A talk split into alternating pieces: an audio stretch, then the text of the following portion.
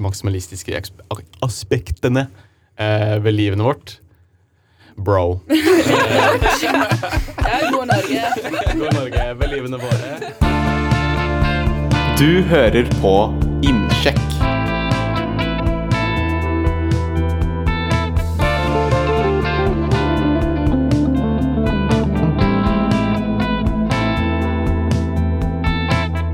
Hjertelig velkommen til en ny episode av Innsjekk podcast. Mitt navn er Markus, og i studio sitter jeg med Aurora, Runa og Vegard. Ja, Vegard var jo ikke med i introepisoden, eh, men han er i hvert fall den som hjelper til å redigere episoder eh, for denne podcasten og skal joine oss i dagens episode. Så velkommen masse, masse til Vegard. Tusen takk. Tusen takk. um, dagens episode er knyttet opp til uh, Snapsens nyeste utgave eh, og med temaet maksimalisme. Eh, og vi skal hovedsakelig liksom, vi skal snakke litt om maksimalisme, med, mer spesifikt om liksom, eksepsjonalisme. Det er liksom presset om å være litt sånn maksimalistisk på en eller annen front. Så det blir veldig veldig gøy, tror jeg. Kanskje litt deprimerende også. Men, men aller først så skal vi selvfølgelig ha en innsjekk. Eh, og Runa du kan starte. Ok, jeg får æren. Ja, Jeg hørte du hadde et klipp du hadde lyst til å vise. ja, kommer til det. kommer ja. til det. Um, ja, nei, I dag har jeg det faktisk ekstremt bra. Mm. Vi hadde dåpsfest i går. Yeah. Um, og ute i dag så er det sånn skikkelig crispy høstluft. Ja, jeg merker jeg også. Ja, ja herregud. Ja, så jeg bare kjente det var Stinka høst på en bra nei. måte. Ja, men, sånn, ja, men da kaller man det ikke stink, da. og så er det to ting som trekker ned dagen, bare lite grann. Altså, jeg har det ekstremt bra, så det er bare minimalistiske ting. Apropos mm. maksimalisme. Mm. Uh, men buksa jeg har på meg i dag, Aurora kommenterte i seg at den var kul. Jeg er enig, jeg er veldig fornøyd med den. Mm. Ny, kjøpt på Uff. Det eneste det var litt hastespontankjøpt, så jeg kommer hjem, tar den på meg, så innser jeg at det her er en gravidebukse. Hæ? Nei. jo, jo, jo. Hva mener så, du gravidebukse? Eh, det betyr at den er ganske oh, ja. høyt og pla ja, ikke sant, og knappen opp også. Det er plass til en kid der, da, for å si det sånn. Og den seiger litt nedover, så når jeg har gått i dag, så har jeg drevet og dratt den opp. Så jeg må prøve å få sydd den. Eh, ja. Så jeg følte meg litt dum da jeg kom hjem og bare Jeg skal jo ikke ha barn, jeg. Jeg visste ikke at de lagde bukser for gravide. Det gir jo mening, da. Ja, selvfølgelig må det bukser for gravide. Det positive er at nå ligger alt til rette for uh ja. En fin framtid. Ja. Eh, og over til klippet. Fordi Forrige gang så snakket jeg om Jeg kommer hit, og Katrina Jeg hadde jo våknet av at kjæresten min hadde slikket føttene mine. Ja. Dere husker dette? Vi husker det. jeg eh, drøyde veldig lenge med å si til henne at jeg sa det her på pod, fordi jeg tenkte hun vil helt sikkert ikke ha det her med, og jeg var litt flau, og så var jeg litt sånn Shit, vi kan jo bare klippe det ut. Eh, men ja. Eh, det tok Jeg var borte i helgen, så det tok et par dager etter det. Så den mandag-tirsdag så sa jeg det til henne.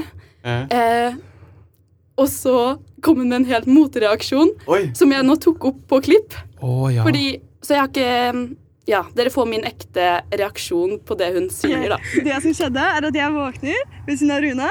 Eh, ligger der en stund. Etter hvert så tenker jeg sånn, nå må jeg dra på skolen, for jeg, jeg har jo faktisk skole. Så jeg snur meg rundt i senga. Så kommer jeg på at jeg må skru av alarmene mine. Så jeg tar opp mobilen, ligger der litt, skrur av alarmer, sjekker Instagram, og så kjenner jeg en sånn liten kald fot. Men hvorfor er du nede ved tærne mine nå? Fordi jeg er klar til å gå ut av senga, og jeg, siden vi ligger i en dobbeltseng hvor det er skråtak på den ene siden, så må jeg snu meg helt rundt for å komme ut av senga. Og så ligger jeg, skal bare skru av alarmene mine, så kommer det en liten kald runafot og kommer og gnir seg inntil meg. Og det er litt sånn OK. Og så våkner du, og så er du sånn Hvorfor kysser du meg? Og så prøver jeg å si til deg at det var du som begynte å gni føttene dine. Så du bare sovner igjen. Og så sier jeg rett før jeg skal gå, så jeg kler meg, spiser frokost, så går jeg tilbake på rommet ditt, og så sier jeg nå drar jeg. Ha det. Og da våkner du, og det eneste du sier, er 'Hvorfor kysset du føttene?'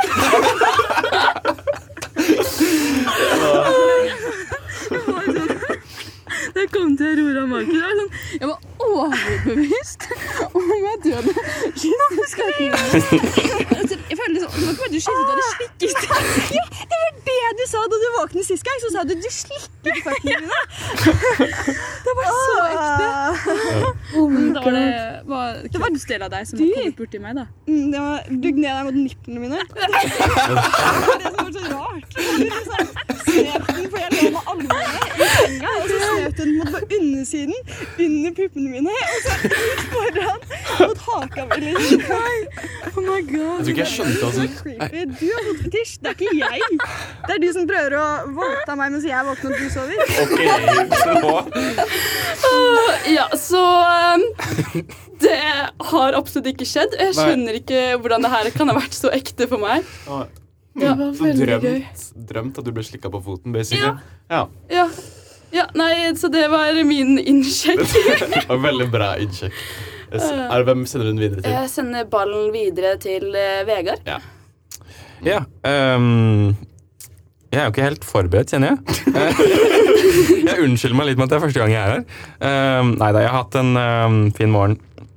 Uh, jeg var ikke så lenge ute i går. Nei, ok. For jeg så Så- deg ikke i går. Vi var jo altså Nei. på Studio 26. Studio 26. Mm. Um, ja. Uh, jeg hadde nok drukket litt for lite til å være på Studio 26, Mm. merka jeg. Ehm, så jeg dro hjem tidlig. Ja, Istedenfor å drikke Eh, mer?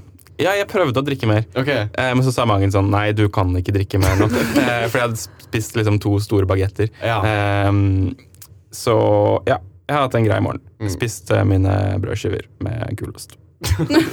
Nice. Nice. Ja, en, en ting jeg kan nevne. Ja. Jeg, jeg, har glemt, jeg har vært skikkelig glemsom i det siste. Jeg, siste ukene så har jeg glemt liksom mobilen, eh, lommeboka. Eh, jeg har mista eh, kaffekoppen min, som hadde sånn kaffe Sånn avtalegreie. Så den, den er faktisk den som jeg har jobba mest med å få tilbake. Du har ikke funnet den? Kan Nei, du, AtB kan du sier at de ikke har den. eh, Rema sier de ikke har den.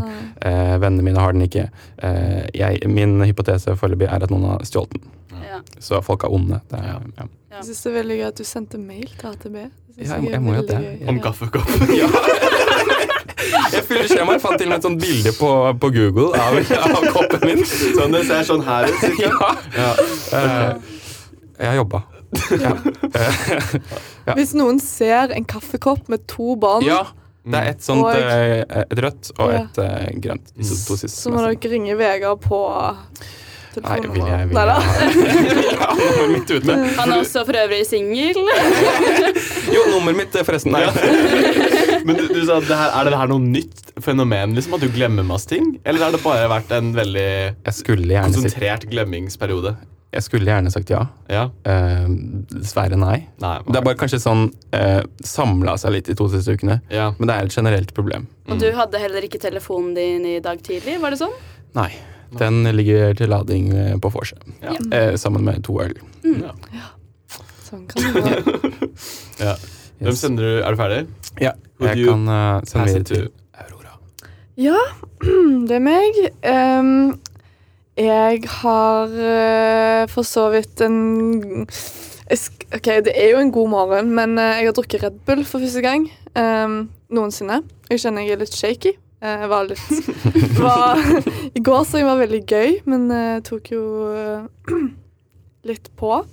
Ehm, og så ble jeg litt stressa, fordi mm, eller sånn, jeg kjenner jeg driver og tenker Jeg facetimer med mamma nå eh, i dag morges, og så så jeg at jeg drakk Red Bull, og så var jeg sånn Hurra, drikker du Red Bull? Og så er jeg sånn, ja. Så er jeg sånn, Første gang jeg drakk Red Bull, så ble jeg helt sånn stiv i hjernen og fikk masse sånn hjertebank. Uh, ja, hun mente hun ble liksom stiv i hodet av Red Stiv Bull. hodet? Så jeg driver liksom, jeg tror jeg er litt sånn bevisst på min egen kropp akkurat nå. At, Mm. eh, og jeg liksom kjenner veldig på Det er sånn. litt spesielt at du ikke har drukket Red Bull Ja, før ganske- en alder av 20. Ja, Ja. men jeg, Det er litt, uh, Ja. det er litt cringe, skal jeg være helt ærlig. Nei, ja. Jeg, jeg liker det litt. Jeg må Ja, innrømme det. Det er litt Du liker Ny annons på Vegard. Folk som ikke har prøvd Red Hvis du drikker Red Bull, så er ikke jeg typen din. Ja. Ja. Nei, men eh, Nei, det går fint. Jeg bare kjenner Red Bullen har nok gjort at tankene mine går litt sånn Ja. Men eh, ja, ellers veldig bra. Mm. tanker. Um, min tur? Yes. Ok. Um, jeg hadde hadde veldig veldig gøy i går. Vi var jo alle sammen på, på fest, hattefest, på en klubb. Og det var første gang jeg liksom har vært på en sånn klubb på dritlenge. Mm. Jeg pleier ikke å liksom Jeg pleide ikke å gjøre dette vanlig liksom, før korona heller. da Kanskje fordi jeg var ikke var under 20. 20. Kanskje det var grunnen. Men uh, ja, jeg har jo egentlig hatt et prosjekt om å ha hvit måned uh, denne måneden. Og det har egentlig gått veldig veldig fint. Sånn på vors og sånne fester i sånne hjem. Så har det gått kjempefint. Det har kost meg. Jeg har ikke følt på sånn shit, nå skulle jeg ønske jeg var drita eller full. eller noen ting Men når jeg liksom kom inn på klubben der, så var det bare sånn jeg jeg bare sånn Ok, nå jeg kan, ikke, jeg kan ikke ha det gøy her uten drikke. For det er bare sånn Folk Ja. danser dritmye liksom rett foran ja, på scenen her. Jeg vet ikke. Da bare kasta jeg det ut av vinduet, hele det prosjektet der. Jeg hadde jo egentlig sånn eh, Det blir dyrt, da. ja, eh, det, ja, eller det holdt på å bli dyre, for jeg har egentlig kontrakt med roomien min om hvis jeg drikker alkohol, skal jeg ha 1000 kroner. Oi. Men, ja, men jeg forhørte meg først sånn, Kan jeg få en fridag nå? Han bare sånn, ja, ja, ja. Så, og jeg, jeg tror egentlig Jeg har alltid visst at den kontrakten egentlig ikke var så seriøs, men det var liksom sånn symbolsk mer, da. Men uh, roomien var veldig grei og var sånn, hadde litt sympati da, for at jeg kanskje hadde litt behov for å drikke akkurat da. Det er litt rart å være helt edru på en, på en. Ja. Men så er det jo det at liksom Eller jeg føler i hvert fall sånn hvit måned og sånt, det er jo Som du sier, det har gått bra, men så er det jo kanskje ikke verdt det hvis du tror liksom en kveld at du kunne hatt det kjekkere med alkohol, så er jo det på en måte Ja. Det er liksom Og det- Ideen er jo på ja. en måte bra, men Ja. sånn ja. Og jeg har det jo egentlig helt greit nå. Jeg drakk jo ikke så mye. Jeg bare Mm. drakk akkurat nok til at jeg liksom Mm. klarte å følge med. sånn, Eller henge med i det hele tatt. Mm. Og ikke Ja. Men uh, det går veldig greit. Jeg har hatt en fin morgen uh, som egentlig ble litt stressa, fordi jeg holdt på å forså meg Eller jeg forså meg, egentlig, så jeg var litt forsinka hit. Men uh, nå er vi i gang, og ja, gleder meg til å snakke om dagens tema. Maksimalisme og eksepsjonalisme.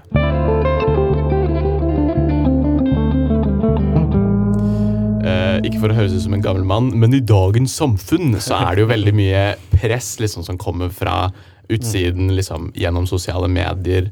Og det har jo sikkert vært veldig mye press gjennom tidene, men jeg føler det har blitt veldig konsentrert eh, med at alle får smarttelefoner og alle har eh, sosiale medier tilgjengelig overalt, men at man får veldig press om å ha en eksepsjonalistisk personlighet på en eller annen front. Enten om man er veldig veldig pen eller veldig morsom eller veldig jeg vet ikke, ekstrem på en eller annen måte. Eh, så mitt spørsmål er egentlig til dere aller først, hva slags områder er dere føler sånn mest press på å være eksepsjonalistisk? Kanskje litt personlige spørsmål, men eh, jeg er litt sånn interessert på om andre har litt sånn er u ulike oppfatninger om hva det liksom er press på. Ja. Ja. Jeg, føler egentlig litt press på å være unik som menneske. Ja. Mm. Sånn at når jeg blir kjent med nye mennesker, så tenker jeg jeg må være unik nok til at dere gidder å være venn med meg. Mm. Og jeg vet ikke om det kommer av sosiale medier, fordi plutselig så har jeg venner fra ungdomsskolen som har blitt influensere. Ja. Og så tenker jeg bare sånn Og de har blitt verdensmestere. Og så tenker jeg bare wow, de har fått til noe i livet, og hva, hva driver jeg med? Jeg går her på Dragvoll og studerer litt psykologi, Mm. og gjør ikke det engang. Um, Gå på telttur i stedet. jeg drar på telt i Nei da. stedet. Jo da. Men eh, ja, jeg vet ikke. Jeg føler på et press på å være unik. Ja, ja men jeg, jeg skjønner veldig godt hva du mener. Jeg føler og jeg har litt den følelsen av at jeg vil at jeg på en måte skal bli huska av folk. Ja. At folk skal liksom Mm. huske meg. Men samtidig så blir jeg hver gang liksom, jeg har en venninne sånn 'Å, han eller hun spurte hvordan du hadde det', eller liksom nevnte deg i en samtale som, altså, som Mm. jeg ikke på en måte var med i, så ble jeg sånn Mm. 'Hva? Hæ, vet ikke hva jeg heter?' Selv om dette er så som jeg er sånn, egentlig ganske god venn med, liksom. Ja. Eh, men òg det her med Jeg tror jeg kommer jo fra en eh, litt sånn Jeg føler gjengen min hjemmefra har alltid vært litt sånn Det har vært litt sånn at Vi skal være så veldig sånn intellektuelle og veldig sånn Alle tenker så mye, og vi snakker veldig mye, og Jeg tror det er litt sånn der eh, et slags sånn Jeg har følt et litt sånn press på å være litt sånn intellektuell. Ja. Og da, da jeg gikk på Gløs, for eksempel, så følte jeg bare Det var det var litt sånn forskjellig fra det jeg liksom For jeg følte ikke folk egentlig brydde seg så veldig mye om det. Nå høres det ut som jeg bare setter alle som Ja, jeg, jeg, på Gløs, i bås. Jeg, jeg har også Men, gått eh, på gløs. Ja. Jeg skjønner noe mm, Jeg skjønner ikke. For det, men det er kanskje litt mer sånn annen intellektuell liksom, i forhold Ja. til matte og fysikk. Ja, men det er kanskje ja. ikke sånn store ideer sånn Ja, ah, fordi Nettopp. ja. For, for det er nettopp det jeg har ikke liksom følt på Det er det som er litt sånn rart, fordi sånn Det, det er ikke liksom de Det har ikke vært liksom matte og fysikk og liksom sånn naturfaglige Ja, okay, ting ja. som har vært på en måte det området mm, som jeg har følt press på å liksom Mm. være unik på. Men det er det liksom å være kreativ. Jeg har for eksempel Ja. aldri eh, følt at jeg kan være egentlig være kreativ før jeg liksom meldte meg inn i synapsen, selv om jeg syns Ja. det er veldig gøy å skrive og lese og sånn og sånn. Mm. Bare fordi jeg føler at det er jo alltid noen som er mer kreativ eller har Mm. større tanker enn det jeg har. Mm. Og jeg det er veldig husker, teit. jeg husker ikke hvem som sa det her, men det var en venn av meg, tror jeg, som spilte fiolin. Og så var det en hun spilte med, da, som hadde blitt bedre enn henne. Mm. Og så sa hun til moren sin 'Å, men hun har blitt bedre enn meg'. Og da sier moren 'Ja, men det fins alltid en kineser som er bedre enn deg uansett'. så Ja, men det er jo noe med det. Ja, det er jo men, Fordi det er akkurat det at um, Jeg tror ikke sånn selve presset om å være sånn ha masse positive kvaliteter er noe som er nytt. selvfølgelig er det ikke det, Men jeg tror det som er nytt, er at vi hele tiden har tilgang til å se hvor mange andre som er eksepsjonalistiske på en eller annen måte. Da. Vi har tilgjengelig 24-7 og bare gå inn på Instagram og se sånn Oi, hun der var mye penere enn meg. Hun der var Ja. mye flinkere enn meg. Og på, ja, hun er smartere og bla, bla, bla. At vi får hele tiden en sånn input av sånn Hei, her er et sjukt bra, en sjukt bra kvalitet. Den har ikke du. Lol. Og så må man liksom bare sitte og føle seg litt dritt. Jeg føler det er litt mer sånn Jeg må få generelt bare mye mer sånn eh, inntrykk da, av andre er eksepsjonalistiske. Ja, og litt apropos det Aurora sa, så er det jo eh, jeg tenker det er noe, jeg tenker det, eh, Folk har ikke de samme målene. Det, det, det er ikke de samme Nei. idealene hos alle, men det er litt det med den strømninga i kulturen om at man skal være god på et eller annet. da. Mm. Og det bestemmes kanskje litt av hvem man henger med, hvor man kommer fra og sånne ting, men at det er en fellesnevner. da. Mm. Eh, og jeg er litt sånn um, Det snakkes veldig mye om eh, sosiale medier, og sånn, og det er definitivt tror jeg veldig viktig. Men eh, jeg er litt sånn forkjemper for å også snakke om det som har med kultur å gjøre. Mm. Jeg tenker jo at sånn eh, De siste årene så har Eller sånn eh, siste 30 årene, kanskje mer, så har man jo hatt en sånn gradvis import av spesielt kanskje amerikansk kultur. Ja. Og den har jo vært sånn he Helt siden etterkrigstida så har jo den handla om individer. Ja, på en måte, Ja. og, det, og det å eh, gjøre det bra selv. Eh, så jeg tror man skal ikke undervurdere det heller. At, go At- big or go Ja. home. at sånn, ja, eh, sosiale medier forsterker noe, men, men det er et eller annet som forsterker, og det er på en måte noe som ligger i kulturen. Ja. Og det finnes jo masse uh, andre kulturer, sånn spesielt i Asia, som, som ikke har det fokuset. Mm. Um, mm. Mm, ja, jeg har, ja, jeg har tenkt litt på det, faktisk. Fordi um, det er jo en sånn, jeg føler en dyrking av in, altså individualisme. Mm. Altså den Jeg har tenkt litt på sånn, Vi har jo alltid, eller vår generasjon har jo alltid liksom Og vi, det er jo kanskje et luksusproblem, da, men vi har jo alltid fått vite at å, vi kan bli hva vi vil, Mm. og gjøre hva vi vil. Følg drømmene dine. Mm, Du må brenne for noe. Du har alle muligheter åpne. Og det i seg sjøl eh, skaper jo på en måte Jeg har i hvert fall følt på et press Mm. eh, på grunn av det. Ja, jeg tenkte på, eller det er jo ikke noe å legge skjul på at eh, det er et veldig høyt snitt for å komme inn på psykologiprofesjon, Ja. som vi går. Eh, Og at mange ser opp til psykologer for de har en slags status i samfunnet vårt. Mm. Har dere følt på at dere må ta, eller, ta en utdanning som jeg vet ikke, har høy Ja. status, eller Ja. bruke Ja, jeg. Eller jeg fikk naturlig høye karakterer på videregående, så jeg følte litt på et press på å bruke karakterene, bruke hodet mitt når jeg først hadde et Mm. faglig hode, da. Ja, jeg er helt enig. Jeg følte liksom på det at sånn Kan du ikke velge noe annet? Men samtidig så er det en interesse da for å liksom ehm, å, å dvelve inn til noe som er liksom uh, Ja, ikke, jeg vet ikke hva jeg skal kalle det. At det, det er litt sånn høyt, og det er litt vanskelig, og det er komplisert, og det er mange teorier og sånn å dykke inn i. Men det er nok definitivt liksom et press på sånn Jeg kan jo ikke bli rørlegger. Ikke at jeg har lyst til å bli rørlegger, men hvis jeg hadde lyst til å bli rørlegger, så hadde jeg jo ikke vært veldig komfortabel med å liksom si det til venner og Nei. familie og bla, bla, bla, fordi jeg liksom hadde et høyt snitt på videregående. Ja, for jeg har vurdert sterkt f.eks. å bli journalist, eller bare studere friluftsliv og bli Mm. turguide, sånn helt seriøst. Mm. Eh, og da har jeg fått reaksjonen fra, spesielt fra familie da, som sier sånn Ja, men det er vel ikke et trygt og stabilt Ja. yrke. Men det de egentlig mener, er du skal ikke bruke karakteren din da og studere noe og bli professor, liksom. ja, ja. En annen ting jeg vet ikke om, ja, Det er litt relatert, men sånn Jeg kan føle meg litt sånn flau noen ganger når jeg sier til folk hva jeg studerer. Fordi først så spør de sånn, «Å, hva studerer du? Sånn, jeg studerer psykologi. «Å, bachelor? Nei, Ja. jeg går profesjon. Og sånn, går du Ja. profesjon? Og det er bare sånn Jesus Christ. Ja. Jeg Nei, men det er helt sant. Sånn, Ja. Du må være smart. Jeg var sånn.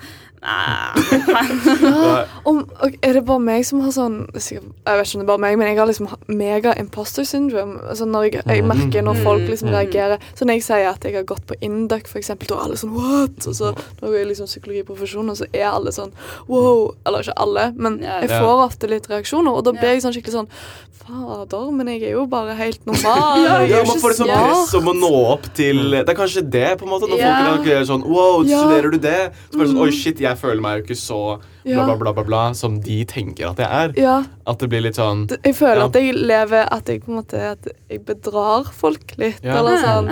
Det er jo et sykt paradoks, egentlig. Men en sånn at- imposter syndrome tror jeg Ja, er ekstremt vanlig. Jeg tror nesten Jeg tror det er Ja. ja. Mm. Det er sånn Vi vil være intellektuelle eller liksom prestisje mm. på en eller annen måte, men hvis folk liksom reagerer på sånn Oi, du er det og det og det, så føler vi Nei, det fortjener jeg ikke. Ja, Det blir sånn paradoks. Sånn, Ja, Vi vil være det, men vi tror liksom ikke på Ja. det når vi først liksom får den anerkjennelsen. da Ja, Som er litt sånn Det er veldig rart. Ja. Det, og det har jeg kjent på eh, egentlig hele skoleløpet. Mm. Men jeg Og tror Ja, Det tror jeg også er spesielt vanlig blant kvinner. mm, det er det. Ja. At det er litt derfor de også ofte ikke er sjefer. Mm. Er fordi de Mm. tenker 'jeg er jo ikke god nok'. Det har jeg lest litt om, faktisk. Det er Ja. en, en av grunnene, tror jeg, til det.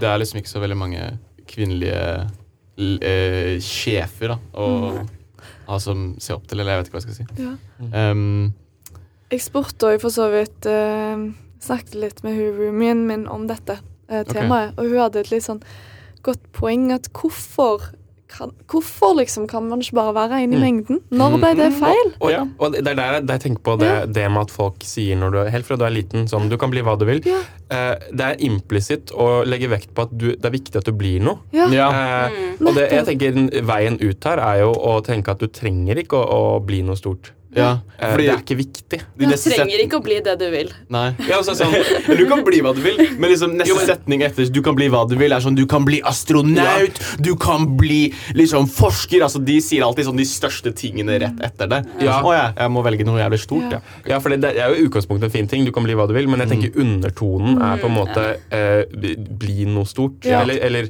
ja. Og så er det ikke Mm. alle som egentlig kan bli hva de vil, fordi mennesker Nei. har jo ulike begrensninger, og det blir jo et veldig sånn på en måte press, Mm. det òg, hvis man egentlig ikke har kapasitet. Men eh, samtidig tror jeg alle faktisk nesten kan bli det de vil hvis de jobber hardt nok. Men ingen, Nei. ikke alle kan bli best. Men jeg tror ikke alle kan bli best. Nei, nei. Jeg tror nesten alle kan Tror du? Ja. Det er der jeg Hvis man føler presset virkelig vil. ligger. Nei, men Det- jeg tror hvis man virkelig vil noe, så tror jeg man får det til. Og jeg tror eh, ikke nødvendigvis at du klarer å bli best i noe, for det går ikke. Det kan ikke alle. For da trenger man spesielle gener. Men jeg tror de fleste kan bli Ja. Men tenk på, tenk på sånn medisinstudie eller psykologistudie. Det er vanskelig å komme inn. Jeg tror eh, Altså, ja, på et eller annet tidspunkt så må vi begynne å snakke om IQ og sånn, ikke sant? Og da, Mm. da innser man at alle kan ikke komme inn, på en måte. Det er ikke Uansett hvor mye du jobber. Hvis du, Og og Vegard, hadde hatt lyst til å komme på medisinstudiet, og du hadde tre i snitt, og hadde jobbet hver eneste dag i tolv timer, da tror jeg du hadde klart å få Nei, de jeg karakterene. tror, jeg, tror det, jeg tror det er en myte. Ja, Eh, fordi eh, det viser seg, altså Jeg har gjort masse forskning på IQ, og det viser seg at man, man når ikke like langt. Uansett hvor mye man jobber. Men, jeg tror, Men- men, men jeg tror- videregående fag handler ikke bare om IQ. Nei, så hvis men- du hadde fått en studieveileder som bare hadde satt seg ned på deg, du hadde Mm. brukt alle dine penger på å få det her til, og fått liksom all studieveiledning, fått akkurat vite hva du burde gjøre til eksamen, så tror jeg du hadde fått det til. Jeg tror til en viss grad, men ikke, ikke altså Du kunne gjort det bedre. Jeg tror ikke du hadde vært en god lege nødvendigvis. Nei, men jeg jeg, jeg, tror, du- jeg tror du kunne gjort, gjort det bedre, men jeg tror ikke du, jeg, Det er ikke sikkert Alle, all hadde nok ikke klart det likevel. Eh, og jeg tenker det er litt viktig å snakke Ja. om, fordi um, Ja, det, det Ja. Folk blir jo utbrente, eller liksom sånn Mm. Jeg føler på en måte Mm. det, det fokuset som har vært på at man kan jobbe jeg, jeg, På en måte syns jeg det er positivt og en god tanke at du kan liksom, hvis du jobber hardt, og, så kan du nå målene dine. Men jeg føler på en måte òg det kan være en litt farlig tanke. og Jeg tror det er litt derfor det er en sånn type prestasjonskultur, og Mm. at unge liksom blir det. Fordi det er, det er på en måte eh, to måter å tolke det hvis man er Mm. sånn Nei, du, ikke alle kan få til alt, liksom. Fordi man har visse evner som man er predisponert for, osv.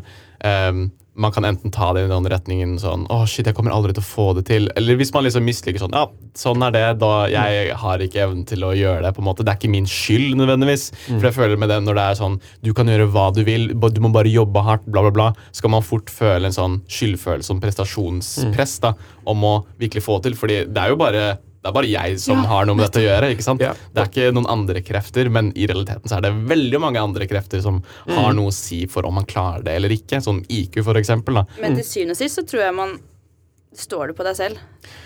Men- ja, altså, ja, det har jo mye å si, da. på en måte. Må jo eh, jobbe på men eh, Ja, for det er litt sånn ehm, Du går på, Si du går på ungdomsskolen, eh, så jobber du alt du kan, men du klarer aldri å få mer enn en firer. på en måte. Og så får du høre at det er dårlig. Fordi eh, du skal få en sekser. på en måte. Det er det du jobber for. Det er, kanskje du til og med får penger hvis du får en sekser. Og så, og så, og så er det liksom Det er veldig vanskelig for deg å få den sekseren. Jeg tror det er veldig, altså, veldig destruktivt å, å sitte der og få høre det. mm. Uh, hvis, hvis, hvis, hvis det er vanskelig for deg enn andre, da. Jo, men man trenger jo ikke å få en sekser. Nei, men det er på en måte det, det som eh, Man glemmer litt det perspektivet at det er ulike tak her. Eh, og at ditt tak kanskje er litt lavere enn andre. Og det gjelder jo alle. ikke sant? Eh, og at det er noe, det er noe godt i det å, å vite at jeg gjorde så godt jeg kunne. På en måte, jeg, jeg, jeg nådde så langt jeg kunne, og så var ikke det like langt som andre, men at det er greit. og at jeg, jeg føler at den fortellinga forsvinner litt i dag. Ja. Mm. Det jeg syns, er at alle vi, i hvert fall i dette rommet, skal jobbe for å um, ikke liksom føle det presset å være så sykt spesielle. At det er liksom godt nok at vi kan være en i mengden. Og det er utrolig viktig å bare liksom kunne vite at man er noe for kanskje én person. Man trenger jo ikke å være den beste og den kuleste og den morsomste for alt og alle, men kanskje man er det for sine fem beste venner, liksom. Ja. Og bare være litt snill mot seg sjøl og Ja. være Hvis glad du i har seg fem sjøl. beste venner, så har du ganske mange beste Ja, det er faktisk litt sant. Ja. Ja. Hvis du har én god venn, eller bare har Ja. en katt, så kan du Ja, bare gi den katten av kattedame. Ja. ja, men uh, det er jo kjempeklisjé, da, men man, sånn, de fleste av oss Eller de aller, aller fleste er jo liksom gode nok, med mindre det er en grusom person. Ja. Eh, da burde du kanskje endre noe. Ja. Men det er en annen podkast. Ja. Uh, Neste episode. ja, neste episode. Velkommen til fengsel. Fengsel-podcast. Du hører på Innsjekk. Mørket har lagt seg for et par timer siden, og gatelysene står tett i tett på rad og rekke som virkelig tilfredsstiller tvangstankene mine. Jeg skater sakte oppover Prinsens gate og tar av til torget. Verden er stille i dag. Eller Trondheim, da, som er min verden. Det kjører en buss forbi, to mot Strindheim, som tuter kraftig på meg. Jeg aner ikke hvorfor. Jeg hater bussjåfører. De hater sikkert skatere av prinsipp. Jeg setter headsetet mitt over ørene mens jeg pumper brettet mitt mot Nidarosdomen. Vanligvis velger jeg ruten rundt kirka, men i dag skater jeg inn mot porten, tett inntil det mektige bygget. Jeg har gått forbi Nidarosdomen mange ganger før, men nå i mørket fylles jeg med lys. Flokkende lys fra lyktestolpen i alleen. Det føles guddommelig. Det er guddommelig. Trøksene på brettet mitt lyser, hjulene lyser. Ok, de lyser ikke, men det føles sånn. Jeg har aldri følt at brettet mitt kan rulle fortere enn nå. Jeg har aldri stått mer stille enn nå. Jeg enser ikke regnet. Eller jo, jeg gjør jo det. Det pisker nedover ansiktet mitt. Luggen ligger nedover pannen min. Våtere enn nybadet svart golden retrievere. Jeg vet ikke om golden retrievere kan være svarte, men sånn føler jeg meg. Jeg strekker hendene mot himmelen. Jeg tar i Gud. Mot Gud. Jeg tror dette er Gud. Hva annet kan det være når jeg ikke skater? Tross at brettet mitt føles trimma. Klokkene ringer. Jeg skater videre. Inn i mørket, inn i flokkende lys. Og du lever i min verden. Wow! Wow! Det var Er imponerende. Nice. Det var, eh, dratt inn i liksom historien. Wow. det var da Runa sitt main character moment, som er neste tema i denne podcasten her. Eh, main character moments er jo um, Det er jo det det høres ut som. Det er øyeblikk i livene våre hvor vi føles ut som vi er hovedkarakteren i en serie eller film. Musikken vi hører på, stemningen vi er i, og tankene vi har, bare matcher helt opp til vi får sånn ah, This moment. Um, og det er litt det vi skal snakke om, da, for det har vært litt sånn trendøyeblikk, eller sånn trend i TikTok og sosiale medier det siste. Uh, og det henger jo litt opp til det eksepsjonalisme, liksom Romanticize ja, your life. ja, liksom det greiene der om at man liksom, livet sitt skal være noe stort og fint og bla, bla, bla. Um, jeg er ikke på TikTok. Aurora, du er på TikTok. Har du lyst til å forklare litt? Ja, fordi dette Å, dette er noe som mm, det, det irriterer meg. Fordi det er liksom sånn ah, Jeg skal spille av, tenker jeg, kanskje et lydklipp um, som viser den her Det er en sånn sound som går rundt som er sånn You have to start romanticizing your life. Ja. Og det legger de liksom oppå um, Folk filmer bare masse gøye ting de gjør, og sånn. Og av og til bare veldig, veldig, veldig normale ting.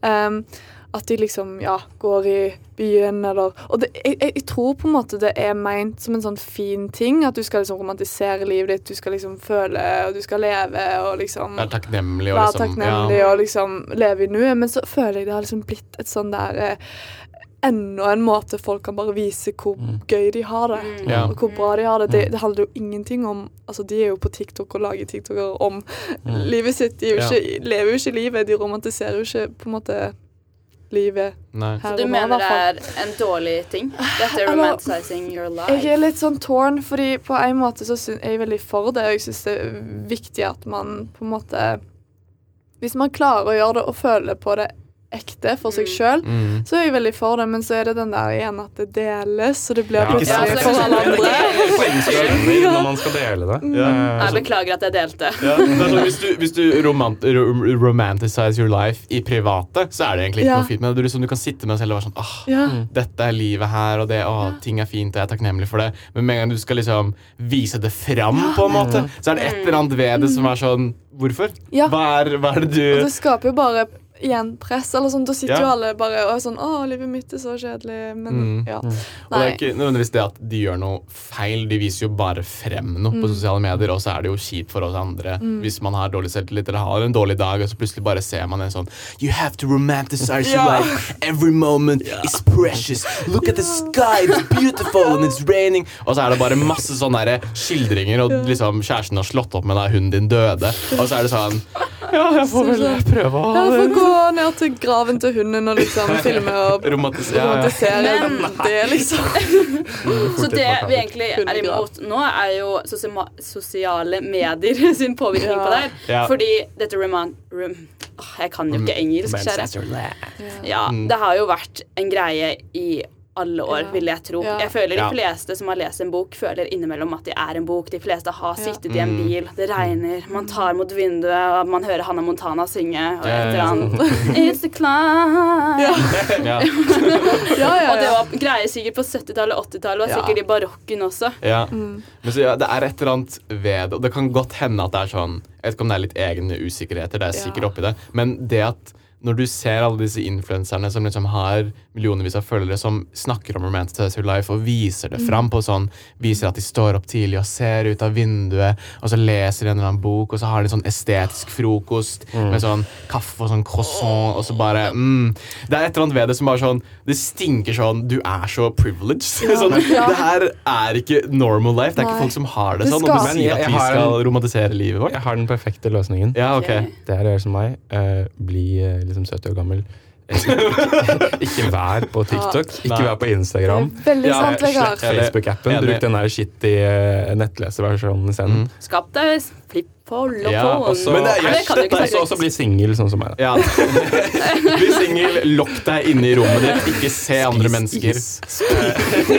Men så, det er litt grunn til at jeg fikk flippmobil og sletta Instagram, og litt sånn var på, på grunn av det. Bare sånn, å, å få hele tida masse sånn inntrykk av alle andres liv er bare sånn det, det, det er ikke sunt. Det er ikke og bare og det kan hende at det, det er litt sånn egne usikkerheter som liksom blir pirra av det. Men altså, da vil jeg heller jobbe med usikkerhetene mine i private, og ikke få de eksponert til sånn ja, den Det verste stimulien usikkerheter kan få, er å vise at alle andre har det sykt bra i en helt sånn insane mengde. Ja, for jeg føler jeg høres så sykt litt sånn teit ut her, hvor jeg sitter liksom sånn bitter og sånn Åh, Ja, andre har så føles- flotte liv, og jeg må se på andre sine ut. flotte liv. Ja. Ja. Og så er det litt sånn Jeg kan jo bare logge av TikTok. Ikke sant? Jeg vil bare slette Nice.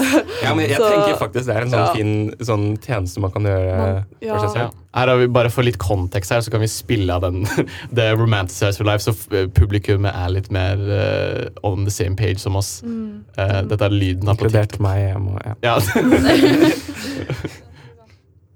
You have to start romanticizing your life. You have to start thinking of yourself as the main character. Because if you don't, life will continue to pass you by. And all the little things that make it so beautiful will continue to go unnoticed. So take a second and look around and realize that it's a blessing for you to be here right now. Fordi det er jo egentlig veldig fint. Ja, kan jeg komme med noe litt Men- kontroversielt? Ja, okay. Jeg elsker det her, jeg. Ja. Jeg blir inspirert. Fordi, ja. Ja, for jeg tror det er noen mennesker som blir inspirert, men så tror jeg det er noen det bare ikke fungerer for Jeg har funker kanskje så for. innspo-liv at jeg bare føler en del av det. Dra på telttur og For det er akkurat jeg føler det er det jeg får litt sånn usikkerhet For jeg, jeg klarer ikke helt å beskrive hva som er galt i det, uten å trekke fram sånn jantelovprinsipper, liksom. Jeg, jeg tenker på isolert sett så er det fint, Mm. men det er det at det er, på en måte, det er en del av en kultur. Ja. Eh, og i den kulturen så blir, det, eh, så blir det bare en sånn 'se hvor fint jeg har det'. Ja. Eh, og jeg tror spesielt hvis man faktisk ikke har det så bra og ser alt det her, så får man det ikke bedre. Nei. Det var en periode i livet jeg slettet alle sosiale medier og alle meldingsapper og alt mulig rart, for jeg hadde det ikke noe bra. Nei. Eh, jeg vet ikke om jeg fikk det noe bedre, men Hvis du hadde sett noe sånt som det der, ja, da? hadde jo ikke jeg fått noe bra. Nei, ikke sant? Sånn, Jeg hadde ME i to år, og hvis jeg hadde Mm. sett, eh, drevet og sett på sånne videoer eh, ja. Man blir Jeg jo hadde det bare ille nok, på en dratt måte. Ja, man blir jo liksom bare dratt ned i s- et sug, føler jeg. Ja. Da. Jeg tenker det også er noe med innpakninga her. Mm. Sånn, en ting er uh, Hvis du hadde sett det som liksom sånn uh, uh, Times New Roman, liksom et avsnitt, Ja. så, Mm. er det jo så er det et fint budskap. Men, Ikke her, sant? men her er det liksom sånn masse vakre bilder. Ja, det blir så pretensiøst. romantisk. Ja, det er, Ja. Og, og det er liksom Ja, man får den mm. Fordi de tar, det, det er liksom det at det blir litt tatt litt vel seriøst. Altså Man skal ta livet sitt og sette pris på det, være takknemlig. selvfølgelig Det er positive kvaliteter. Mm. Når det har denne innpakningen, liksom den musikken og liksom de bildene, liksom fine øyeblikkene sånn Det er et eller Du tar det litt vel seriøst, og du tar ditt eget liv litt vel sånn Shit, mitt liv. Mm. Ja. Og det er ikke nødvendigvis ditt liv som liksom er stort, det er bare livet generelt. Ikke sant? Og det er litt uavhengig av deg. Jeg føler det bør heller være fokuset, da, enn at det er liksom jeg. Ja. Mm. Kanskje vi skal konkludere med at TikTok ikke skal ta ansvaret for livene til folk, men da kan vi dra til psykologer. Ja. Skal de fortelle deg hvordan leve livet kan Så kan vi for at de får lønn. Ja. Ja. Det, men det er faktisk det advarte han ene foreleseren om i psykiske lidelser, er at det er liksom, folk får masse feilinformasjon om psykiske lidelser Ja. på TikTok. Og det har jeg faktisk òg sett. Ja. For alle tror jo de er på en måte deprimerte. Ja. Litt noe helt Ja. annet. Men har dere sett alle de Jeg ser sånn TikTok-compilations på YouTube som bare skremmer vettet av meg? Det er sånn her mental health TikToks to show my therapist. Og det er bare sånn Folk bare lager sånn self-deprecation, trist humor om liksom symptomene deres i forhold til angst og depresjon. Og sånn my blah, blah, blah, my, The voice in my head when I Liksom om tvangstanker, da. Ja, sånn, og prøver å gjøre det om til sånn positiv greie og få views og positiv oppmerksomhet rundt det at de faktisk har sliter. Det, det er et eller annet med det som bare er sånn Ja, for det, det er morsomt, fordi eh, det har jo vært en sånn greie at eh, mange føler at det å ha en psykisk lidelse sånn er kult. Ja. Jeg har ikke helt vært på den eh, Romanticize eh, your mental Men illness. Jeg kan skjønne hvor, hvordan det er en greie, Mm. ut ifra at du sier det. Mm. måte. At, eh, for jeg er ikke på de kanalene. Nei. Mm, mm. Men det blir litt sånn litt på Romanticize your life-greiene. Du romantiserer din psykiske lidelse, blir det rett og slett. Sånn Du skal ta et aspekt fra livet ditt som liksom er viktig eller stort, og så blir det sånn Åh, dette, jeg sliter med dette. Liksom at det blir en Det, det, det, det, er kjempevanskelig å liksom bli frisk når man på en måte romantiserer det på en eller annen måte. da um, Mm. Så det kan også være en sånn bieffekt av Romanticize your life, at du romantiserer liksom Uh, your struggles til det punktet hvor at du Mm. identifiserer deg med det. Altså, Jeg falt litt ut nå, det må jeg være helt ærlig. Yeah. Men jeg begynte å tenke på noe helt annet. Ja. Eh, det var at den her TikTok-videoen vi så nå, Ja. den viste bilder av fin natur. Det Mm. var uh, Syden, og det var litt sånn det mest innspo du kan tenke deg. Er det noe vi skal si sånn link in the description? ja, nei. Men hvis den videoen hadde hatt mer fokus på noe jeg er litt mer opptatt av, da, de små tingene med hverdagen, sånn at man sitter på bussen og så ser man en regndoppe gå sakte ned vinduet, Mm, og setter pris på den. Eller sånn. Det er Ja. veldig mange videoer av det òg. det ja. Men det går av og til merker, at jeg blir litt sånn Altså blir jeg litt sånn OK, men jeg er for at du skal romantisere livet ditt, men av og til er det bare rett og slett sorry, veldig sånn kjedelige situasjoner som filmes. Mm. er. Filmer liksom Ja.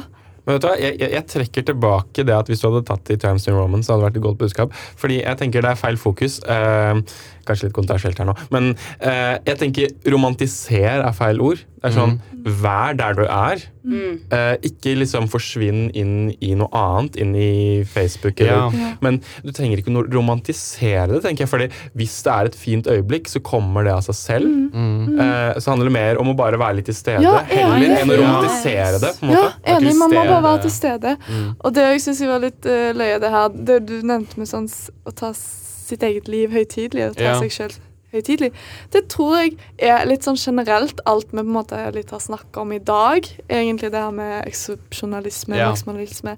Jeg tror det er liksom litt bundet i at vår generasjon tar oss sjøl så sykt høytidelig. Mm. Jeg føler alle bare er, tar seg sjøl av og til litt for høytidelig. Ja. At det kanskje er liksom litt sånn En, en slags sånn um, ja. Men det, det er jo ikke rart, liksom. Fordi når vi liksom vokser opp med å hele tida altså, Før så viste man seg kanskje bare fram til sånn venner og familie, men nå føler man konstant at man skal vise seg frem på en eller annen måte. Og i forhold til sånn romanticize your life og main character moment, så er det et sånn, et sånn hint av det. Sånn jeg kan ikke ha et romantisk liv, eller liksom et fint og sjukt liv utenom at det er noen andre der som kan se det. Det må være et publikum til opplevelsen. Ja. Sånn main character moment, så da er det sånn du føler at du blir litt sett på Ja. av Ja, utsiden. det er litt et eller annet med det som Du ser òg deg sjøl, eller jeg føler i hvert fall jeg ser meg sjøl litt fra utsiden. Ja, Her går jeg Mm. i skjørtet tenker sånn mitt i Åh, tenk hvis noen så på meg nå. Hvis noen hadde filmet meg nå, så hadde liksom publikum reagert på denne denne måten. Ja, ja, Og så blir du sånn åh, Ja, ja, Får du en følelse av sånn positiv i forhold til det. Veldig sant! Mm. Det har sykt mye å si med Ja, Mm. faktisk veldig sant. Og jeg tror den, den refleksen er altfor uh, til stede hos, hos folk flest, tror jeg. At hvis de gjør noe gøy, så er det sånn Å ja, snap. Måtte eller et eller annet. Eh, Eh, og jeg liker ikke det. Jeg Nei. prøver det, jeg tar tak i det selv og bare tenker sånn Mm. Nei, nå skal jeg- nå Dette skal må jeg vise fram, Ja, sånn, så jeg prøver å være sånn Nå skal jeg ikke ta bilde. Og så har jeg kanskje trukket det litt for langt i den andre retningen. Men Ja, for det er jo litt koselig det med å ha minner, da. Å ha ja. film eller et bilde av en situasjon. Det er sånn tenker det- ja. det, kan, ja, det er en balansegang. Så jeg tenker i hvert fall at det er verdt å tenke på at man, man ikke gjør det hver gang. Mm. Og at man velger, tenker litt over hvem man sender det til. Man sender det til de som kanskje sånn ser på det som en hyggelig greie fra en venn. Mm. Heller enn bare sånn Oi, en litt sånn perifer venn som bare gjør noe gøy. At det er en forskjell der. Ja. Fordi um, man har jo liksom stories og legger ut innlegg og sånn, men uh, en, en finere og kanskje sunnere måte å gjøre det på er nummer én ta bilder og sånn bare og lagre de for uh, din egen del, så du kan se tilbake på det. da. Uh, og kanskje bare dele med sånn nærmeste venner. på en måte. Sånn, Dette er et fint øyeblikk jeg vil dele med venner. på en måte, og ikke sånn, Nå skal jeg dele på Story og legge ut et innlegg fordi nå skal jeg okay, Kan jeg komme med noe kontroversielt? Kjør på. Ja, kjør på. Jeg syns det er ganske gøy å se på andre stories hvis de har okay. morsomme stories. Ja. Sånn på Snapchat. Jeg er sånn Aurora sin story. Jeg bare shout-out til den. Hun har veldig mye gøy content. Ja. Så jeg sitter ofte og ler. Ja, men no, noen har drit Jeg har ikke sett så Jeg har ikke så mye på Snapchat. kan, Jeg skal sjekke den ut. jeg kan adde dere. Okay, nice, takk. Men ja, Men for, for meg så går det et skille der mellom eh, hvis fokuset er på noe morsomt, eller liksom en fortelling eller et eller annet, eh, og eh, kontra at det bare er fine øyeblikk Ja. i livet ditt. mm. Eh, jeg syns det går et skille der. Ja. Men uh, fordi det, det, er, det er gøy å se hva folk vektlegger i storyen sin. Hva de legger ut. på en måte Noen bare legger det sånn når det faktisk er noe morsomt. Noe interessant Noen bare legger det sånn Åh, bussen var forsinka. Shit. Sånn, bare masse sånne øyeblikk hele tida. Alt som bare er sånn litt positivt eller litt negativt. Og det, ja. Og, det, og jeg skjønner jo det på en måte. Man får jo en sånn, en sånn muskel eller refleks da som du snakka om. Liksom Men jeg tenker, Der har jeg på en måte ikke et problem. Jeg tenker sånn, ja ja, jeg, jeg bryr meg ikke så mye om du mista bussen eller ikke. Nei. Og jeg tenker Det, det er begrensa hvor, hvor negativt det kan være for andre også å se at du mista bussen. Så Ja. sånn, jeg tenker sånn, jeg er kanskje ikke den, mest, altså den beste bruk av tida di, men det er, det er ditt Ja. Liv, på en måte. Ja, Du gjør, gjør hva du vil. Sant. Um, For jeg kjenner litt på den, for dere snakker jo eh, om det her med f.eks. at man ikke deler uh, på Instagram, eller at man deler kanskje med noen venner. Mm. Jeg kjenner litt på det at jeg syns sånn Instagram og Instagram stories og sånt er veldig gøy, men Mm. personlig så Og så vet jeg jo ikke Kan gjerne mye har med at jeg syns det er gøy at andre ser. Det er det jo kanskje noe underbevisst, Mm. men ofte så tenker jeg at jeg legger det ut for meg sjøl, fordi jeg sjøl syns det er kult å se på min egen profil. Og det er sånn, oh, gøye bilder, eller Ja. liksom sånn Mm. Ja.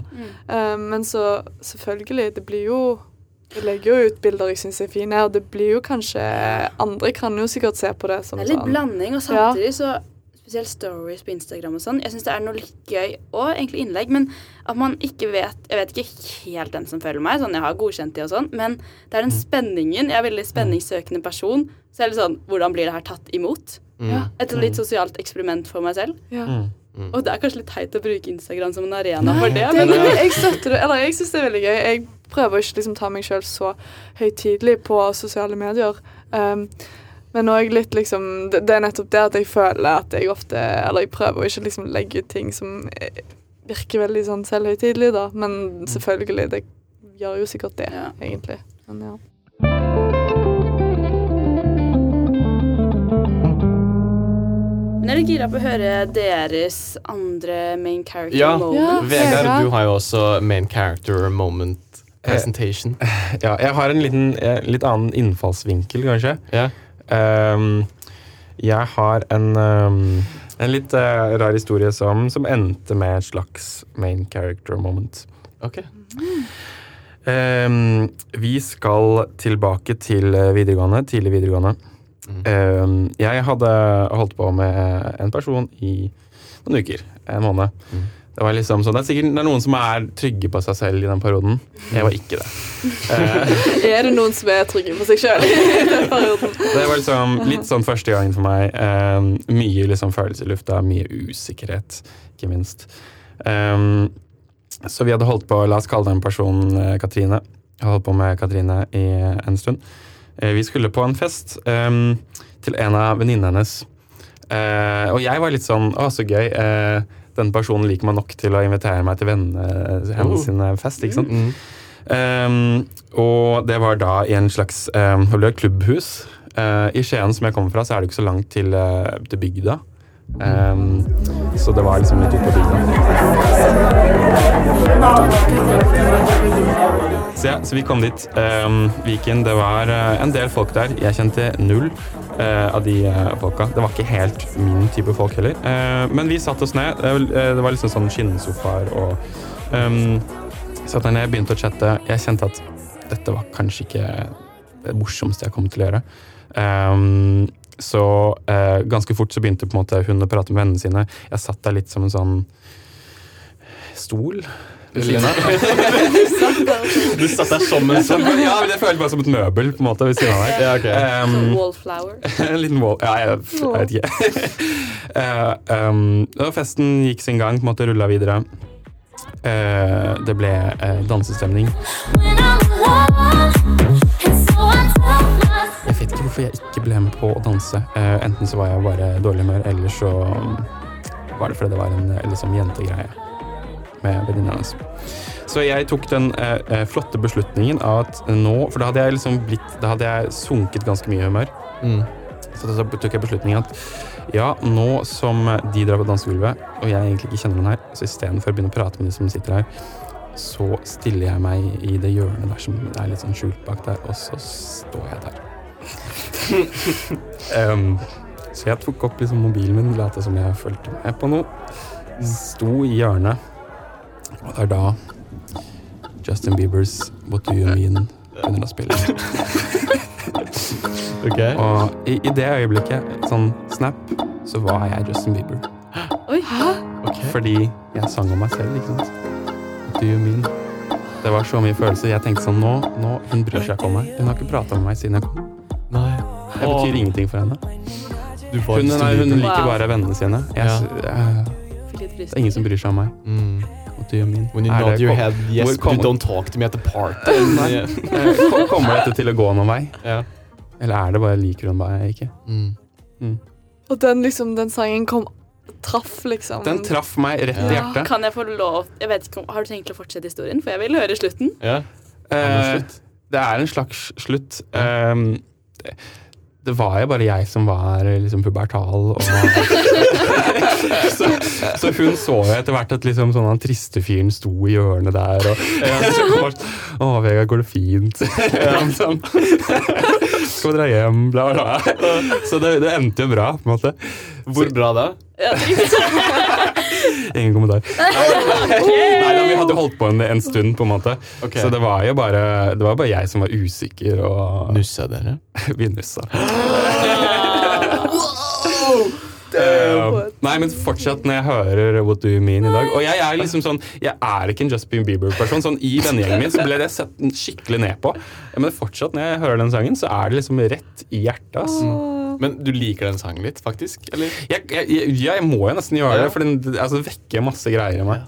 Ja. wow. What do you mean? Oh, oh, when you your head yes, but you wanna say no. Til slutt i denne episoden her så skal vi eh, hjelpe en person som har tilsendt et spørsmål. Hvis du også har et spørsmål eller noe du trenger hjelp med, så kan du sende oss en e-post eh, at eh, psykolosjen.avis at gmail.com. Er det ikke? Eh, Avis.psykolosjen Avis. Vi legger det her på Vi legger det i eh, Ja. beskrivelsen. Ja, og Psykolosjen og sine nettsider. Ja. Uansett, vi skal hjelpe en person som har sendt oss eh, et spørsmål. Um, og her er spørsmålet. For snart et halvt år siden ble jeg sammen med en fyr. Vi kan kalle han for Jens. Etter at vi hadde kjent hverandre i rundt en måned, fortalte Jens meg at han elsket meg. Jeg ble helt satt ut, og jeg lot som jeg ikke hørte det. Noen uker senere så sa han det igjen. Jeg var fortsatt ikke klar for å si det tilbake, men jeg lot i det minste ikke som om jeg ikke hadde hørt det, men jeg husker ikke helt hva jeg gjorde. Jeg kysset han eller et eller annet sånt. Vi har ikke snakket om dette i ettertid.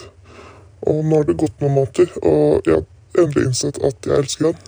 Men nå har jeg ventet så lenge at jeg føler at terskelen for å si det har blitt så høy. Hvordan skal jeg få sagt at jeg elsker ham? Wow. Shit. Jeg, jeg føler men Det er fint, fint, da. Kan Kan vi bare starte med å si at det er fint Ja. at personen, hun, har funnet en hun elsker? Ja. Mm. Jeg er litt sånn, altså Det er kanskje veldig dårlig råd, men jeg er bare litt sånn Bare si det! Ja. Men, eh, just Ja, tell men fordi jeg, jeg skjønner ikke helt problemet. Jeg altså bare sånn, bare si det. Det. Men jeg skjønner at det kan være litt sånn ukomfortabelt, da, siden han allerede sagt det to ganger. Ja. Og hun Men jeg, men jeg tror folk har forskjellig forhold til det ordet. Ja. eh, til å elske. Jeg syns sånne ord er veldig vanskelig å si. Sånn nesten uansett. Mens noen tror jeg har veldig lett for å si sånne ord. Mm. Og jeg, jeg vet ikke, kanskje folk legger litt uh, forskjellige ting i det også. Ja, Eh, jeg tror nok jeg tror jeg kommer aldri i livet til å ha behov Hæ? for å si det sånn for min Nei. egen del. Fordi jeg tar sånne ting sånn Jeg vet ikke, jeg føler det. Jeg tenker sånn, Hvis jeg føler det at det er, altså sånn, Jeg, jeg har veldig lite behov for å Ja. si det selv. Jeg kan godt skjønne at det kan være eh, eh, en liksom fin bekreftelse å få for den andre parten, Mm. men jeg, jeg har ikke noe behov for å si det selv. Nei. jeg tror det er noe fint med å si det til hverandre når man virkelig føler det, fordi da, i hvert fall i en startfase da, som de er i nå De har vært sammen et halvt år, og hvis de da kjenner at de elsker hverandre, så er det jo en veldig usikkerhet der. Hvis de da kan kommunisere at de elsker hverandre sånn virkelig inderlig, og at de er på samme bølgelengde så Akkurat sånn når man er i forelskelsesfasen, at man vet ikke hvor man har den andre, så er de jo fortsatt der, vet ikke helt hvor de har den andre.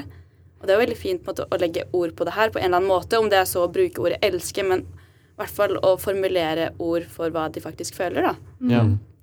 Jeg syns ja, jeg syns hun egentlig, eller, egentlig bare bør velge Det trenger ikke være en sånn stor greie ut av det. Jeg syns egentlig hun bare kan si det en gang. Kanskje hun føler litt på det. Bare si det, da. Ja. Hei, du. Bare så du si vet det. det. Bare si det. Ja, det er sikkert et veldig unyansert svar Nei, min side, jeg syns men ikke det. eh, jeg vet ikke. Men så er det kanskje jeg er veldig for det å Mm. liksom kommunisere sånne ting som du sier, Runa. Jeg er veldig for å kommunisere Mm. hvis man er takknemlig. Som du sier, du har ikke behov for det, men Mm. sånn å si det sjøl. Men jeg tror det er så viktig for den Mm. andre parten at du faktisk gjør det. Jeg er litt uenig i Marcus Aurora som sier 'bare si det', fordi det Hvis du føler det. Ja, men jeg syns hun skal si det. Men jeg syns ikke hun bare skal bryte ut med det sånn Jeg sier jeg elsker deg, sånn i en helt casual setting. Jeg syns hun burde sette seg ned og ta en litt dyp samtale om det her. Og trenger ikke nødvendigvis å bruke ordet 'jeg elsker', men hvis man bare sier det sånn casually, så kommer det ikke frem hvor mye det her betyr for henne. For det her virker som det betyr ekstremt mye å si det. Du er egentlig enig i det, Ja. men jeg, det var det jeg Ja, mente med å bare ikke- si det bare ja, sånn. det var ikke, det var sånn, ikke casual. mm, Det må jo være. Ja, nei, okay. nettopp, det må jo Ja. være en setting og en situasjon hvor kanskje de følelsene kanskje flommer gjennom henne. da, At hun er sånn Mm. Nå kjenner jeg at jeg elsker deg. Ja. Og på en måte bare er litt sånn Og hvis hun syns det er vanskelig å si, mm. si det sånn, da skal hun jo problem ta opp eh, Nå begynner jeg å kjenne på noe mer enn forelskelse. Jeg føler det begynner å bety noe for meg, det her. Mm. Og jeg tror kanskje denne følelsen kan kalles å elske. Jeg er litt usikker på hva det er, for jeg har ikke følt kanskje på den følelsen for en gutt før, da. Eller Mm. Ja. Ja, det var, det var veldig bra sagt. Det er Ja. nettopp det her med Fordi det her med følelser Det er jo av og til litt vanskelig å vite hva Det er ikke alle som Det har vi jo lært om i psykiske lidelser og spiseforstyrrelser osv. Det er jo ikke alle på en måte som har ord og begreper Ja. for følelsene sine. Jeg er litt nysgjerrig. Hva legger dere i begrepet eh, å elske noen? Oi, det har endra seg veldig. Sånn når jeg gikk på ungdomsskolen og videregående, så hvis jeg ble sammen med noen, så sa jeg det litt for fort. Skal jeg innrømme. Det ble liksom Hvis jeg kjente det veldig For jeg ble veldig fort forelska, veldig fort betatt. Men eh, det å være betatt og kjenne veldig sterke følelser, det betyr ikke nødvendigvis at du elsker dem. Det betyr bare at du er betatt. Det betyr bare at du, du kjenner en sterk følelse, men å elske føler jeg er mer sånn eh, Hva skal jeg si? Jeg klarer meg ikke uten deg, kanskje. ja, eller ikke helt det heller, men det er noe eh, du Det er ikke bare en sånn betatt følelse, det er mer en sånn litt sånn intellektuell forståelse av det. på en måte. Ja, det er noe Sånn sånn Det er ikke bare den følelsen, men også den, den tanken på en måte rundt personen og liksom kvaliteten og liksom oss to sammen som en enhet. Vi kan samarbeide, vi kan kommunisere, vi kan liksom hjelpe hverandre. Jeg elsker deg fordi du kan ja, Eller vi kan bidra eh, til å gjøre et bedre liv for hverandre, da. Men med liksom Tidligere i ungdomsskole og videregående så blir liksom Jeg elsker deg er bare sånn den kroppslige følelsen. Sånn åh, du, ja, du er vakker, og du er nydelig, og du er bla, bla, bla. At det blir litt mer ja, den retningen. Ja, for jeg, jeg, jeg kan være litt enig i det. Sånn, kanskje den følelsen at det føles riktig. Mm. Eh, at på en måte den store, hele pakka føles riktig mer enn bare de følelsene, men at på andre plan Ja. også. Ikke føl at du må si det, liksom, fordi du har så Ja, Mm. men jeg er veldig enig i det dere sier, men for meg så føler jeg det er mer en følelse. Altså, Enig at det handler om det intellektet med at man er rett for hverandre og sånn, men for meg blir det veldig en følelse av at det her er rett. da, at Mm. Ja, men det er akkurat det. Det er begge ja, deler. på en Ja. måte. Uh, Ja. Jeg tror det, Grunnen til at jeg syns det er vanskelig å bruke det ordet, det er at det er et så stort ord. Ja. Eh, litt tilbake sånn minimalisme, maksimalisme. Jeg liker å holde meg til sånn Jeg liker å eh, under, et sånn understate eh, heller enn det motsatte. Eh, og å si 'jeg elsker deg' er et veldig stort ord. Mm. Mm. Men jeg syns man skal bruke ordet hvis det føles riktig. Sånn hvis det er det man føler. Men ja, fordi Det er litt problemet, fordi de gangene jeg har satt det, så har du følt det riktig. Men Ja, når ja, jeg ser tilbake på det, så er det sånn Altså, jeg elsket ikke den personen. Jeg var bare Men- veldig betatt. Og så er det litt sånn kjipt når det ender ganske kort tid etterpå. Mm. Eh, så blir det litt sånn OK. Nei, det var kanskje Ja. litt for fort. eh, Kanskje den fordi- følelsen jeg sitter med nå, så om ti år tenker jeg bare hva faen drev du med? Du elsket ikke Katrine. Ja, Men, Men eh, hvis man føler det her og nå, så er jeg litt sånn, da har man følt, og da var det sånn det begrepet var for deg her og nå. Mm. På en måte. Selv om jeg er enig i at som du sier, det er litt kjipt hvis det ender veldig fort etter du har sagt det, så er det Ja. jo kanskje et tegn på at Men bare, Det er vel sånn man lærer, da. Ja, Du var jo ung. Ja, Og kanskje den kjæresten da til eh, Jeg husker ikke hva de kallenavnene var, det var kanskje ikke noe kallenavn. Men den kjæresten eh, til hun eh, Kanskje han er litt på det stadiet du var Mm. på ungdomsskolen. ja, At han sa det uten å tenke så mye mer over det, Mm. og brukte det bare fordi han var betatt. Ja. Fordi det, det er når man for liksom henne betyr det noe mer, og derfor klarte hun ikke å si det tilbake i starten, men nå har hun kommet til der at nå føler hun det. Ja, det fordi For meg nå betyr det jo mye mer. Nå må, nå må det ikke være sånn, Jeg kan ikke elske deg liksom i øyeblikket. Og sånn, Shit, jeg elsker deg, nå må jeg si det Det må liksom være noen vedvarende. på en måte Sånn eh, En statistisk tilnærmelse. Elsker jeg deg på tvers. Men eh, Har vi litt metodefaget inn i kjærlighetslivet? Ja, vi er en tverrfaglig podkast. Ikke bare psykiske lidelser og alt det greiene her, men også metode. Det er noe av det spenneste, mest spennende. Men uh, ja, at det liksom er eh, no, noe vedvarende, da. For da når jeg har sagt liksom for fort eh, Eller jeg har sagt for mye for fort, så innser jeg shit, sånn, Nei, det var Mm. bare Mm. i øyeblikket og sånn. Det var ikke noe som varte. Men sånn føler jeg ofte med veldig mange følelser. At man kan føle så utrolig noe i nuet, Mm. og så har jeg sagt ting, eller jeg er veldig Jeg klarer ikke alltid å holde inne ting jeg tenker. Og så sier jeg det, og så etterpå angrer jeg. Jeg kan angre fem minutter etterpå det jeg sa. Eh, og sånn er det jo veldig med følelser. De er så spontane. Men hvis man føler noe over lengre tid, da, så er det kanskje noe mer riktig å fortelle andre. Så hvis man er sint på noen, så er det ikke alltid riktig å bryte ut i sinnhet. Sinthet, det er kanskje ikke et ord. Ja. Dere skjønner. Mm.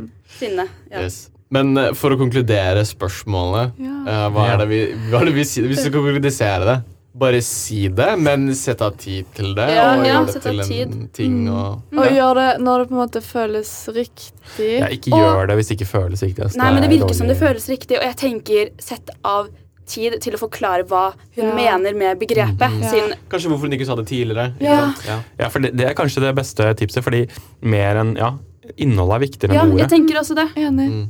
Vi er enige. Fy faen. Tenk at vi er enige. Yes. Men tusen, tusen hjertelig takk for at du hørte på denne episoden av Innsjekk. Håper du eh, hører på neste også. Og igjen, hvis du har noen spørsmål eller noe du trenger hjelp til, så er det bare å sende et lydklipp eller en tekst til avis.psykologien at gmail.com. Der satan. han. Yeah. Vi, eh, vi høres i neste episode. Ha det bra.